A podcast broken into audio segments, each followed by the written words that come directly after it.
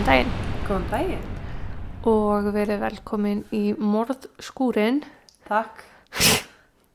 Ég er Jóhanna. Þetta er Þúrstís. Það er þetta ótrúlega fyndið. Mjög oft þegar ég setja eitthvað á Instagram, Mm. þá kemur alltaf autokorrekt í morðakúrin. Já, það er einleið að En horfa á þeir þetta. að hlusta morðskúrin. Morðskúrin, já. Herru, um, við nefndu það í hinum þættinum. Ég veit ekki hvort hann sé á undan eða eftir þessum, en við ætlum að taka okkur sömafrí. Já. Uh, þáttur í dag og næsta miðvikudag og svo ekki í tvo miðvikudag. Rétt. Og ég ætla að byrja. Frábært. Ég ætla að segja þér frá Noreen Mary Smith. Er hún sjóra? Nei, Ok. en hún síðar uh, varð Noreen Boyle. Ok.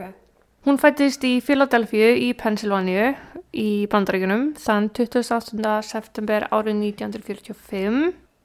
Noreen var eins og svo margar aðrar sem við ræðum um, falleg og hún var með ljósíkt hár, hún var með blá augu og hún sagði það að vera ofbúðslega umhyggisum og stuðningsrík við fólki sitt og vildi flest fyrir alla að gera. Ég get lítið sagt frá því hvernig æskan hennar var, annað en að hún elst upp í og svona kannski ekki báluðum aðstæðum en það var oft mjög erfitt Já. oft á tíðum hjá þeim skildist mér en fjölskyldan átti kannski ekki alltaf í sig og á og gat það verið svolítið strempið og hún skammaði sín mjög mikið fyrir aðstæðuna heima hjá sér Já, já, já. mér finnst minnum áttu kent oft verið svo ótrúlega neikvægt orð en hún var kannski að upplöða samt minnum áttu kent að vissu leiti eitthvað hvort fjölskyld eða sérst, Bara lífsstílnum. já, Já. Og það mótar hana og svona hennar svona sín á lífinu Já. það sem koma skal Ok. mikið svakalega var þetta erfið fæðing en já já henni fannst mikilvægt að vera svolítið flott í samfélaginu og það skipta hana mjög miklu máli hvernig fólk leita á hana sérstaklega því eldri sem hún varð þá skipta hana það meira og meira máli Já. þegar Noreen er svo 17 ára eða 16-17 ára kynnist hún John Boyle sem er kallaði Jack Ok. þannig að Jack Boyle Jack var tveimur árum eldri en hún og átti eftir að verða mjög, mjög mikilvægur í samfélaginu síður í lífið þeirra en þau gifta sig mjög ung og er ekki nema 17 og 19 þegar gengir í hjónaband. Ok. Hjónabandið gengur vel og 1978 eignast þau saman son, hann fekk nafnið Collier og þau litla fjölskyldan njóta lífsins í Philadelphia næstu fimm árin. Þau flytja svo til Mansfield í Ohio og eignast þar fallit heimili en Jack var mjög virtur í sínu starfi og hafði mjög vel uppbúðu líka. Þú veist, tekjulega séð Já. bara allt perfekt. Hann starfaði sem einhvers konar læknir en þetta er samt talað um að þetta sé svona osteopati.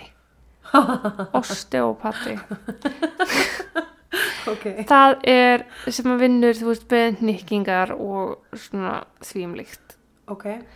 En hann í það minnsta var svo allra vinsalasti á saðinu í sínu fæi Já.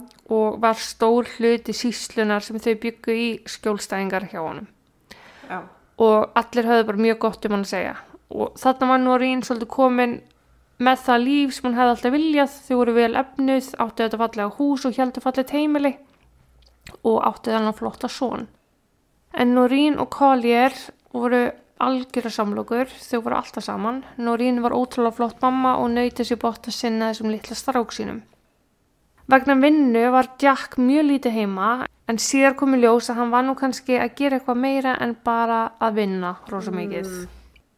Noreen vissi nefnilega alveg að Jack væri svolítið duglegur að halda fram með sér en hún vilist hafa sætt sér bara við það til að við halda þessum lífstíl sem hún lifiði. Já. Ég vildi ekki missa þetta fína. Nei, sem er útrúlega sorglegt. Já.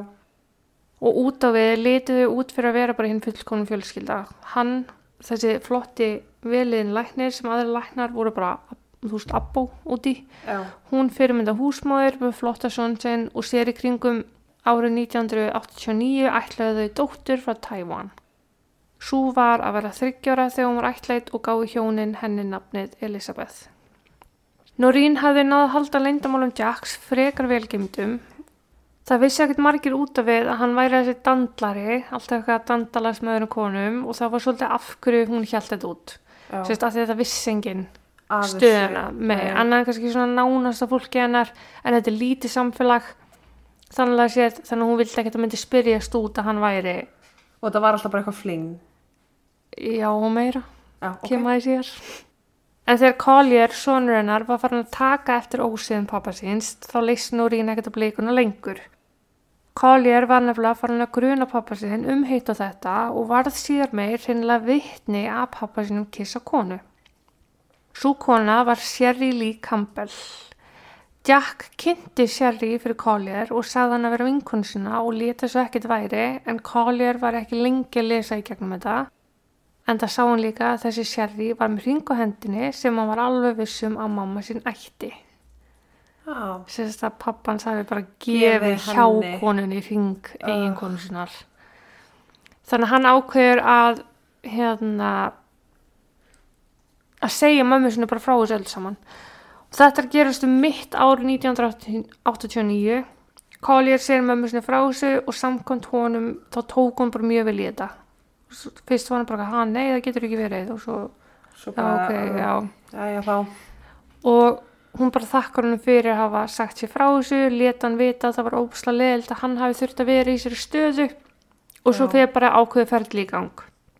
Jack reynir eftir bestu geta að koma sér undan þessu, lofar Norín gull og græna skóa en á meðan var hjákonan, hún Sherry, orðin bara rosalega ólétt. Ok. Hmm. Norín let ekki bjóða sér þetta neitt lengur og sækir um skilnað um miðjan nóvember sama ár, 1989 sem sagt. Jack heldur áfram að reyna sannfarna um að byrja bara á nýtt og vill flytja til Erie í Pennsylvania. Ég þarf að segja þetta svo leiðilega oft, sko. Þar vildi hann opna læknastofu og fá enn fleiri skjólstæðinga og enn meiri viðskipti og hafa það enn betra sem honum hefur sjálfsagt dottið í hug að Norín kynna meta veist, og myndi þess vegna bara fyrirgefa honum. En það var alls ekki svo og Norín var bara ekki haggað. Hún vildi bara í burtu frá Jack. og ég menna ætlaði að Jack bara yfirgefa ófættabarni sitt. Já, það var alltaf bara hjá konunni, skilju. Já. En býttu bara róleg. hann var ekki bara síhaldandi fram hjá Norín, hann var líka mjög mikill skaphundur og átti það til að rjúka upp við minnst tilefni og það hafði áhrif á ekki bara hana, heldur börnin líka og hún sá orðið enga ástæði til að lifa þessu fullkomna lífi þegar hún og börnin var óhamingsum. Já. En nú skildi ég ekki nægilega vel aðstæði fjölskyldunar vikunar eftir þetta að Norín byrjum skilnaðin upplýsingarnar eru bara ekki nægilegar fyrir Nei. mig að segja frá en móður Jacks kemur allan til þeirra yfir jóla áramót 1989 Ég gerir fast að ráð fyrir því að fjölskyldan hafi enn búið saman í einhver tíma miða við það sem koma skall Já, ok. En aðfara nótt 31. desember vaknar Collier við grátur í litlusystinni og mikil öskur og fljótlega eftir heyrir hann tvo mjög háa dingi og mikið bröld. Hann sett heyri einn ding og svona 30 sekundur setna heyrir hann annan ding. Já. Hann heyri sér í fótskrifum og hurðin inn í herbyggi hjá honum opnast. Hann þykist vera sofandi en rétt opnar augun uh, til að sjá hvað sé í gangi. Hann sér þá pappa sinn standa í hörðinni starrand á sig. Hann passa sig að þykjast vera sofandi og að lokum sopnar aftur. Morgunin eftir fer hann á fætur, leitar að mömmu sinni sem hann var svo háður og finnur hann að hvergi. Hann spyr pappa sinn, hann Jack, hvar mamma sinn sé og Jack segir Mommy took a little vacation. Hm. Litli skynsama gaurinn sem 11 ára gamli Collier var ringdi beint í bestu vinkunum mömmu sinnar og segir henni frá hvað á hefði gengið um nóttina. Áhyggju vakna ekki í fyrstu en það var alveg trúlegt að Norín hafi farið til að komast undan aðstæðunum en Collier var alls ekki á sama máli. Mammans myndi aldrei nokkuð tíma að fara án þess að kveði sig eða sýstu sína og var hann því uppfullur af. Allir var að börni ekki þurfa að pæli þessu. Einmitt. Tveir dagar líða og Norín mætir ekki á kaffihús að hitta vinkonu sinna eins og hún hefði planað. Vinkonunni stóð ekki á sama og fór raklegist til lauruglu og sagði frá gangi mála og tilkynna hana í kjölfari týnda.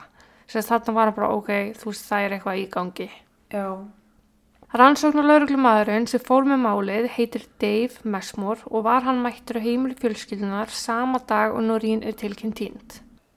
Jack var þá ekki heima, hann hefði eitt síðustu dögum í Erie í Pennsylvania að græja og gera fyrir þessa nýju stofu sem hann vildi opna og tók móður hans því á móti lauruglunni ásend börnunum tveim þeim Collier og Elizabeth Sem hafði verið heima. um nóttina, Ah, þau þrjú sko. ok. Elizabeth gæti lítið sagt til um hvað það gengið á dagan og undan en það var hún tveggja og háls ás Já. en Collier hafði frá ansið mörg að segja. En amma hans kom eins mikið í veg fyrir það að hún gat, þú veist, hún var bara eitthvað hvað er það að spurja, henni fannst lítið tilefni fyrir lauruglun að vera að skoða eitthvað og spyrja og rak það vel á dýru fyrsta þú veist, ekki það hún hafi verið eitthvað að hilma yfir eitthvað hún var bara til hvers er þið hérna? En Collier nær að laumast til Dave rannsóknlauruglumannsins og byðar hann um að koma til sín í skólan daginn eftir og tala við sig þar. Og hann skildi að segja hann frá öllu þar. Littla krúttið. Dave gerir það án þess að hika og er mættu daginn eftir í grunnskólan hjá honum. Þar segir Collier honum frá nóttunni sem lætin voru. Hann segir honum frá því að pappi sinn sé síhaldandi frá mjög mömmu sinni og hann sé vissum að mamma sinn sé ekki á lífi lengur. Oh, Hann segist alltaf að leita heima eftir einhvers konar sönnugögnum eða vísbendingum og láta hann svo vita. Og sko ég hef búin að horfa viðtölu við hann og hann var sko opnandi alla skápa og skoðandi alla skúffur og leitandi alls konar hlutum æ.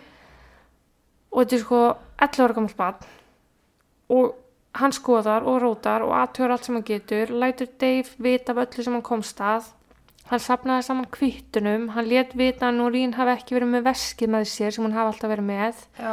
og föt sem hún hefði átt að vera með með við ástíð, Já. skilur ástíman og annað sem að kvatti lögregluna áfram að vinna í rannsókninni Já. Þegar Jack var spurður út í gangmála hafa hann sagt að jú þau hefur yfir stannan í nóttina og að Norín hafi svo bara staðið upp og gengið út og meira vissan ekki. Æ. Lauruglan fekk leitarheimil til að á heimilinu hvort það væri einhver merki um eitthvað sagnemt en svo var ekki og því var lítið hægt að gera rannsókn og rannsókninni miða hægt áfram. Já. Elsku Collier var að leita og leita að einhverju til að segja Dave rannsóknarlauruglumanninum frá þegar hann myndi eftir ljósmynd sem hann hafði séð í bíl pappasins.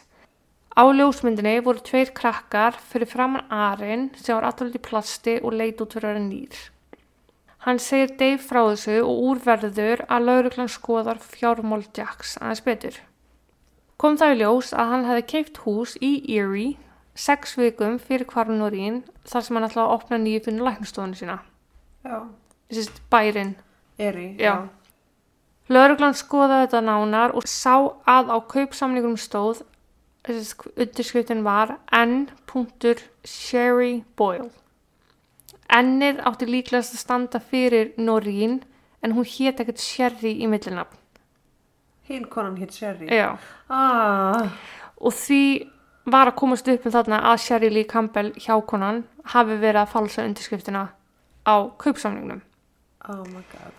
Lauruglan aðtöði með fastegnsalan til að fá þetta staðfest og þau báðu um lýsingu á konunni og bara já, ung, dökkarð, ólétt, bara já, nei, þú veist, Ekki hún. nei. Og hún segir svo frá því að Jack hafi spurt svo skrýtna spurninga. Hann hafi spurt ef ég brýt upp gólfið í kjallarunum, hvað finn ég undi? Er mjúkt undirlag eða er ekkert mál að brjóta upp gólfið? Hann hefur spurt hvern. Fastegnsalan. Ah. Fastegnsalinn hefði svarað að undir gólfinu væri bara einhvers konar jarðvegur og því jú, mjög auðvöld að grafa og spurði hann af hverju hann var að pæli því. Jack sagðist vilja gera körfubolt aðstöð í kjallarunum fyrir krakkaninn sína og þess vegna var hann að spyrja. Jack hafi einnig sagt að það veri gríðarlega mikilvægt að hann fengi húsi sem allra, allra fyrst í síðasta lagi 1. janúar 1990. Þetta er bara 6 vikum eftir. Hann reyndi ekki að prúta verða á húsinu neitt, hann bara borgaði uppsett verð sem voru 299.900 dólarar. Oh. Þarna ringja alla viðvörunabjöllur hjá lauruglunni og sérstaklega Dave sem að vissi að Jack hafi ætlað að fara með Collier til Flórida í einhverja færð. Collier, verandi eina vitni í málunu og gríðarlega mikilvæga rannsókninni, vildi Dave alls ekki að hann væri að fara með pappasinu neitt því hann var hundar hættur um að Jack myndi gera hann um eitthvað slæmt til Já. að fjela slóð sína. Emitt.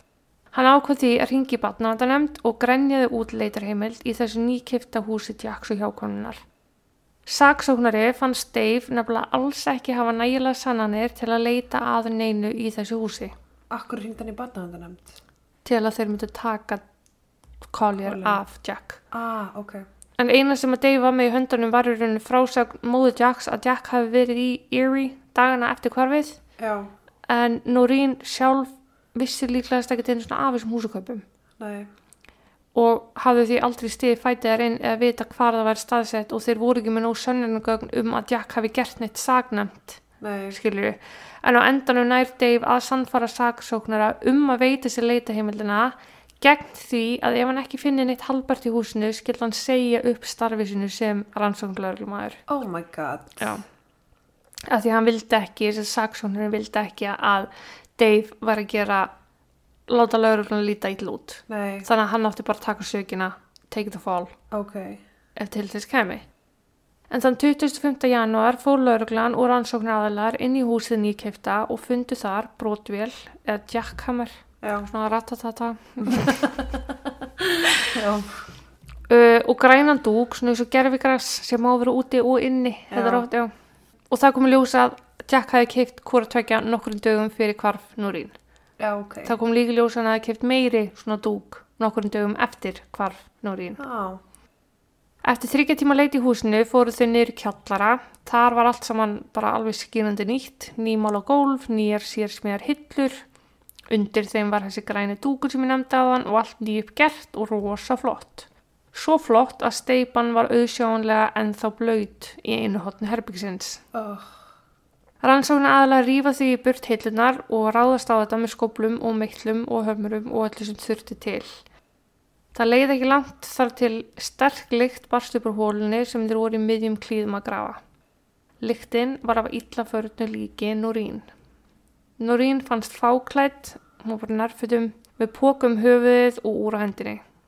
Ekki var hægt að segja til strax hvort að um var að ræða Norín, líki var hreinlega allt of, allt of illa farið. Ég sá þessu myndir, ég skal bara, ég veit ekki hvort maður langi byrta á Instagram. þú byrtir það á Instagram. Já, búið að liggja í blöytur steipu í fleiri, fleiri daga en úrið sem hún var með á sér benti sterklega til að um var að ræða hana. Vegna þess að aftan á úrinu voru uppástafir Núrín álitraðir Á, og úrið var stopp þann 31. desember. oh, Mm Líkið var fært til krupningar þar sem að tannlæknagögn voru notið til að bera kennsla líkið og óumdeilanlega var hægt að staðfesta að líkið væri af Norín. Hún hefði hlotið þunghöku höfuð og kapnað eftir að póka verið komið utan um höfuð á henni.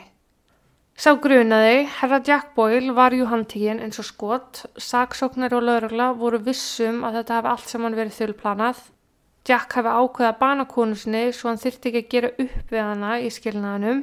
Þú veist það er allt 50-50 og allt það, hann vildi ekki gera það. Veit. Eða standa í yfirvofandi forræðistælum.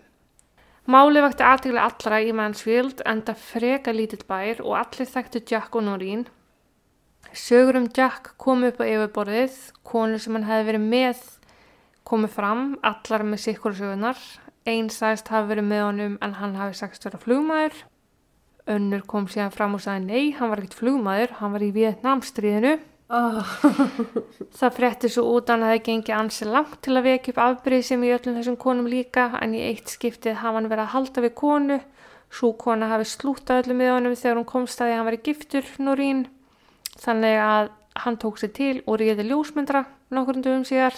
Karlkins ljósmyndra sem var með kvennkins aðstofamann alltaf með sér. já, Jack lét ljósmyndaran taka einhverju myndir af sér og baði svo aðstofa konuna hvort að hún vildi ekki vera með á nokkru myndum. Aðstofa konan treyg til en ákveður endanum bara jújú, jú, ekkert mál. En þá kom Jack með sprengina, hann skrapp út í bíl og sótti brúðokjól. Sem hann leta hann að fara í því að hann jú ætlaði að setja plat brúðkupstilkynningu í blaðið til að fokka í þessari konu sem hafði hætt með sér nokkur dögum aður. oh my god. Já. Og mér, ég, skil ekki hlutan að betur en svo að þetta hafi byrst í blæðinu þó ég finn ekki greinina af því að þú veist. en hann var sér giftur með hjákonu, hætti með hjákonunni, þykist vera giftur veist, til að er- gera hjákonun afbrið sem sem að hann var giftur. Veist, er Norín ekkert eitthvað að skoða blaðið með kaffibóllar og mótara og sér allir bara giftingatilkynningu manni sinn? Góð spurning. En all, þetta, all, veist, já, þetta náttúrulega vakti allt saman grí, gríðarlega mikla aðtigli, réttu hliða Jacks voru núna komnur upp á yfirborðið og Collier var meira en reyðubúin að byrja vitni gegn pappa sinum til að sjá til þess að hann kemist aldrei utan vekja fangilsis aftur. En þetta átti allt saman eftir að reynast ansi flókið. Það var ekkert að sanna að Jack hafi myrt Norín inn á heimilinu þeirra. Það var ekkert sem að bendi til þess. Þá var aðtöðu hvort það var í það minnsta hægt að sanna að hann hafi flutt líkanar á millu húsuna Já. og bílinn hans var tekinn til rannsóknar og eftir mikla leit var allir bílinn riksaðar hátt og látt og tekinn margs, konar síni frá því það skilja ekki nefnu það var náttúrulega hellinga lífsínum frá Núrín en það er jú eðlilegt, hún er eiginkonan hans Já, einmitt. Og hafði margótt setið í þessum bíl Pókin sem var utan um höfuð á Núrín gaf ekkert heldur, engin lífsýni, engin fingraför, ekkert sem að tengdi pókan við Jack. En af því að Jack er náttúrulega ákjörður fyrir morðaðanni þá voru ferðir hans raktar. Kom það í ljós að hann hafi verið eitthvað að barndúsa á hálgerðum bóndabæ þarna einhverjum þrem fjórundugum eftir að Núrín hverfur. Vittni sagðist á að síðan og hendi einhverju af pallinum. Þess að hann var á pallbíl. Já. Því var ákveðið að fara þangað í kvelli og aðtjóða málið. Þar fannst haugur af það sem að leita út fyrir að vera grjót en kom sér í ljós að væri steipa. Bóndabærin var í eigu viðskiptafélaga Jacks sem vildi svo til að var líka frændi Sherry Ah, hjá konan fræga. Sínu voru tekin frá þessari steipu og borin saman við steipun í gólfinu í kjallarunum í húsinu sem Norín fannst í. já. Það stemdi fullkomlega. Steipan sem var á þessum búkar eða sveitabæ var svo sama og hefði verið í kjallarinn í húsinu. Hvernig það fæ staðfest er mér svo fjarrri, sko. Þú veist, ég veit að það eru til nokkur tegundur steipu en eru til það margar. Nei, sko, þú veist, það var bara, ok, láð þessi steipa og þessi steipa saman. Já, þú veist. Eða það líka. Já, en þú veist, bara geggja að þetta sé til að því að þarna var hægt að tengja Jack beint við glæpin. Að því hann var að keira pallbílnum og hendi steipu fram við bílnum. Þetta hann er að móka steipu úr kjallarinn í bíli sinn sem að konan finnst látin í. Já. Og að dömpar steypu, já. Já, ég fætt það. en og þeir heldur bara að þetta væri klappa og klárt en það svo var ekki það var nefnilega þannig að bróði Jacks kom fram og sagðist að hafa heyrt í Norín fyrsta eða annan januar eða eftir þann tíma sem hún átti að hafa týnst og það náttúrulega tafði þeir rannsóknina og framgöngumálsins gríðalega en það þótti nú samt full sannað að hún hafi látist 31. desember og því fór málið fyrir dómstóla í júni árið 1990 Sérst ára eftir. já, hálfar eftir Já. Jack var ákyrður fyrir það sem þýðist yfir íslensku sem alvarlegt morð Já. aggravated murder og svo slæma meðferð á líki. Já. Collier bar vitni eins og hetja gegn pappisinum, sagði frá öllu því sem hann heyrði um nóttina, sagðist hafa þóstur sofandi því hann var vissum að pappisinn hafi verið að drepa mömmu sinna og hann hafi verið hrættur um hann er næstur ef að pappans vissi að hann verið vakandi. Oh my god. Hann sagði frá framhjöldunum sem hann vissi af, sagði frá því hvernig móði mamman sagði verið og var bara dásamlegur frá aðtilu og svo ógeðslega hugrakur að taka hann slag. Emmett. Líka bara, þú veist, þetta er líka pappans. Það bara líka alveg að spá í því að þeir eiga kannski samband Já, sem að maður getur ekki skilið. og hún er byrjengin skilda að bera vitni gegn pappasinum, sko. Emmett. Þú þannig hann er bara svo mikil hetja að taka hann slag, Já. Viðbjóslega hugrakur. En Jack sjálfur bara vitni, hann sagðist halda að einhver annar hafi myrt Norín eftir að hún strunsað út á þennu nóttina eins og hann vildi meina að hún hafi gert. Einhver sem að vissi af þessu öllu saman, einhver sem að vissi að þau var að skilja, að hann hafi keift hús og hann hafi ætlað í framkvæmdir í kjallarunum. Þá, sérst, einhver er sinn framhjáhaldið. Nei, hann segir ekki til um það sko. Hann bara vildi meina að einhver hafi á meðan hann vissi ekki af, brotið upp gólfið, lagað það aftur, sett aftur hillunar og farið svo með ruslið bara svona tilviljunalega á búkar viðskiptafélagans. Já, af því að sko eina manneski sem vissi af þessu öllu er ólétta Já. konan Nákvæmlega.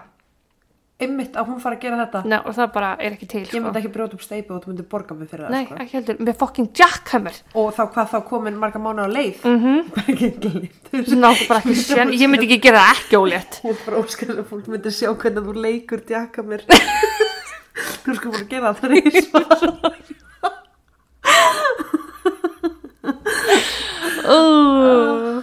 Já, eitthvað fyrir ímyndanafli Það er frábært.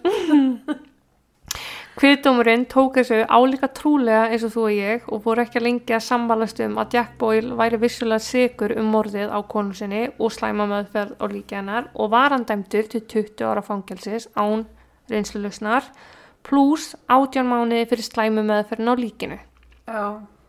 20 ára fangelsisdómurinn virkaði þó þannig að þetta er þessi lífstíðadómur en eftir 20 ár máttu sækja með reynslulust. Og ferða þá bara eftir hvernig þú ert búin að haga þér. Í rauninni, já. Já. En það endur ekkert hérna.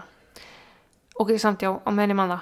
Dave, lauruglumæðurinn, sem fóð með rannsóknuna, hann ætlaði að ætlaði að Collier. En á meðan það var verið að dæma í máli Jacks, var dómar í salunum við hliðin á að dæma gegn því að Dave myndi ætlaði að Af Collier. hverju? Af því að hún mislíkaði Dave, persónulega. Þannig að því að dómarni þóldi ekki Dave ákvæðan að dæma í þessu svona þannig að Collier var sendur í fóstur annað og að lokum ætlitur af þú veist frábænum hjónum og hann er ennþá í mjög góðum samskipt við Dave í dag. Hvað með Elisabeth? Sko, þú veist, ég get alveg sagt það núna, það er bara ekkit vitað. Ok. Frábært. Takk. Svara öllum mínum Já, spurningum.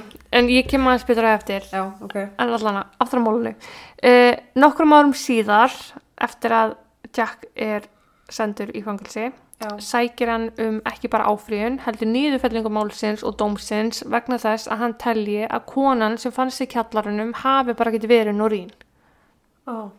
það spratt upp út frá krupningaskíslum en í þeim stóð meðal annars að hún hafi ekki verið með gallblöru en að hún hafi verið með bótlanga en það var öfugt í tilfellinu Norín Ok. Norín hafði farið í botlangatöku en hún var ennþá með gallblöðru. Ok. Krupningaskíslan sagði líka að hún hafi verið XH og X löng en hún var bæði þingri og lengri en skíslan sagði til um. Plús það að skíslan sagði að konan hafi verið með brúnaugu en eins og ég sagði byrju málsins, Norín var með bláaugu. Er það að segja mér að þetta sé ekki hún? Býtur róleg. Og í ljósi þess þá var Collier alveg sammála að það ætti nú aðtöða þetta eitthvað betur og hann gefur leifi fyrir því þá bara 16 ára gamall að líkið sem átti að vera mammans sé grafið upp og þetta aðtöða betur. Í ofanlag hafi bróði Jacks aldrei verið kallaður til sem vittni þegar dæmt var í upprunalega málinu en hann vildi jú meina að hann hafi heyrt í Núrín aðna tveimur dögum eftir að hún átti að hafa horfið Já. þannig að þessi misræmi í krupningaskíslu pluss það að bróðin var ekki kallaði til þessu vitni gaf ástæði fyrir því að skoða þetta og jafnvel taka upp málið aftur. Ok. Líkið grafið upp, tekið DNA og sætti rannsókn og kemur á lokum í ljós að um hafi verið að ræða Norín. Ok. En þetta var bara algjört klúður í krupningunni og bara illa, unnin Krupning. krupningaskísla og hún var bara farlega léleg og hefði getað stopnað réttlætinu í hættu en Jack losnaði ekki svo glatt á fangilsi.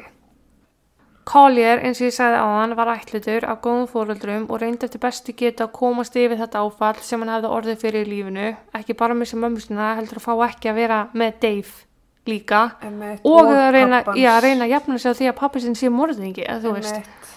Þú ert búin að missa tvo fóröldra, Já. sko. Þegar hann hjælt að hann var í sloppin frá pappasinum fór hann að fá send bref í sko tugatali frá fangilsinu, allt frá pappasinum. Flest þeirra ógeðsleg orð í Garð Collier, hvað hann var mikill aumingi og mikill svikari og hann var að ljúa og ég veit ekki hvað og hvað. En þegar hann þurfti svo á Collier að halda, til dæmis þegar komaði að reyna að sækja um reynslulausnir, Ah, Þá fjög Collier bref sem sögði hann verið svo dásamlegan og fallegan ungan mann, hann væri svo duglur og að Jack væri svo óbúslega stoltur af honum. oh my god, látt hann vera. Mm. Collier hefur aldrei verið hlindið því að pappi sinn fá losnufangelsi, hann telur hann mjög hættulegan og mjög siðblindan einstakling sem þarf mikill aðstóð á að halda og þar er ég svo hjartalega sammálunum. En Collier hefur tekið á þessu öllu saman á svo undarverða máta, hann hefur verið með TED Talks Já, Já. já. um atvikið og það sem gerist í kjálfarið, hvernig hans líf varð og hvað hann gerði. Hann gerði svo heimildamind sem kom út í haldaður 2018 um þetta allt saman og það sem hann ákveður að hann vilji fyrirgefa pappa sinum gegn því að pappans myndi bara viðurkenna glæpsinn.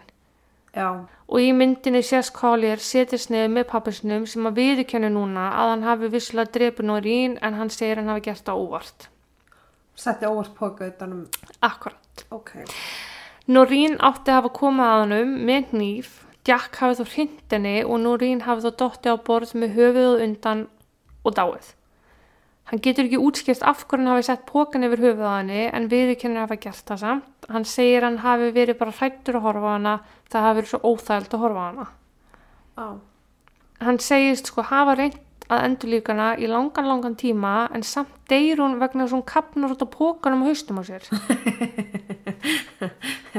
var hann bara gefin í hjarta og þannig að hún var gæti ekki að anda. Ég bara, ég skil ekki alveg hvernig þetta tvent haldst í hendur en hann hefur líka reynt að ljúga að Noreen hafi viljað bakkað með ætlaðingu Elisabeth og þess vegna reyfist þau Ok, og hefur bara reynt að ljúga svo miklu ógið upp á hana til þess að fegra sjálfur sig ok. Þannig að þeir voru sérst ekki búin að ætla Elisabeth. Jú, en hún, þú veist, hann áður, vil meina hann hafi, já, ok, Já. hún hafi ekki viljað það. Já, en það er bara kæftæði, þú veist, Þú veist, var það ekki hún sem vildi barnið? það var hún, jú Já, en hún, já, hann segist er búin að bæði ljúga svo miklu upp á bæði Noreen og Col Collier líka. Og það nær bara yngri átt og hálfa var meirinn hellingur. Þú veist, hann er trekki, trekki, trekk búin að ljúga upp á þau og reynir svo að ná Collier tilbaka yfir sína hlið. Já, Jack reyndi síðast að losna fangilsi í árslók 2020 bara fyrir hálf ári síðan en hún var blessunlega að neyta því og setja því enn inni en það er engin ástæða fyrir mann að losna út sem á korki gengst við glæpi sinna nýja sér eftir þeim.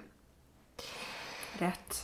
Um, við veitum eins og ég sagði hann ekkert um Elizabeth Collier reyndi að hafa samband við hana í heimildamyndinni en það skilaði yngu það sést bara að hann skilur eftir voice message til hennar Já, og því er aldrei ok. svarað aftur hún man svo sem ekkert eftir neinu og það er kannski bara ágætt og kannski bara betra Já, en samt kannski leiðilt fyrir Colin að missa, þú veist, alla já, í fjölskyldinni. klálega sko líka svo bjánald þau þeirra ætlit inn á sikkurt heimili sko Já, ég skil það ekki. Nei. Af hverju farðu ekki inn á sama heimilið?